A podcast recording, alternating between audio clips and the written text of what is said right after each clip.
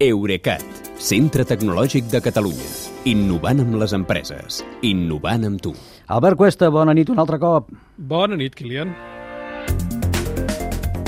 Hem dit que l'hereu, de fet, de l'imperi Samsung ha vingut de compres, eh, amb, amb la cartera plena, suposo, a Europa. Uh -huh. Sí.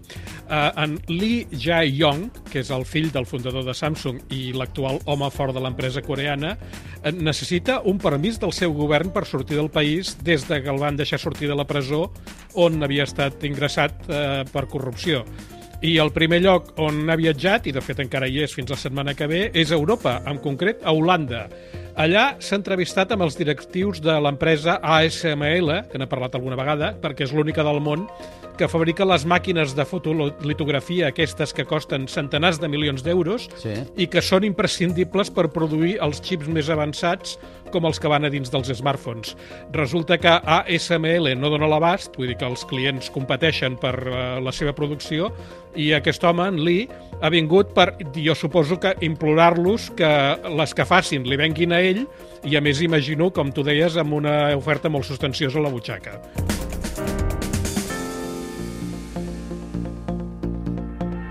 Però aquest vicepresident de Samsung no ha vingut només a comprar màquines. No, també es veu que també vol comprar empreses europees de xips.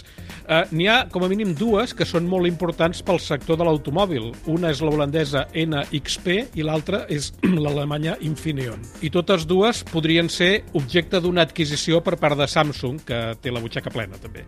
En el cas de NXP, a més, si la incorporés a l'imperi Samsung, tindria un altre avantatge, i és que eh, en aquest moment és un dels principals clients del seu gran rival, la taiwanesa TSMC.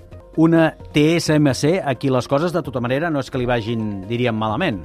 No, gens ni mica. De fet, eh, aquests tampoc donen l'abast a fabricar xips per a Apple, AMD, Nvidia i d'altres, fins al punt que aquest any preveuen facturar un 30% més que l'any passat i ja estan preparant eh, construir fàbriques noves. Malauradament, també fa pocs dies que van confirmar que cap d'aquestes fàbriques noves vindrà a Europa, eh, de manera que la varietat de socis orientals per l'estratègia europea de xips, que n'hem parlat també alguna vegada, Sí. es va reduint. Uh, en conjunt, malgrat les restriccions, està previst que la indústria mundial de semiconductors facturi aquest any 660.000 milions de dòlars, que és una borrada, és, i a més és un 14% més que l'any 2021.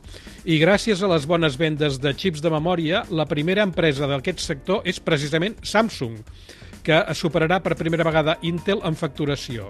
I a més d'aquestes dues, de Samsung i Intel, les tres que completen els cinc primers llocs del rànquing mundial són la també eh, coreana SK Hynix i les nord-americanes Qualcomm i Micron. Els xips, component imprescindible d'una societat aquesta nostra cada vegada més digital, eh? I no podem deixar de parlar-ne. Doncs certament, és una mica com la vida en un xip, que deia aquell, eh?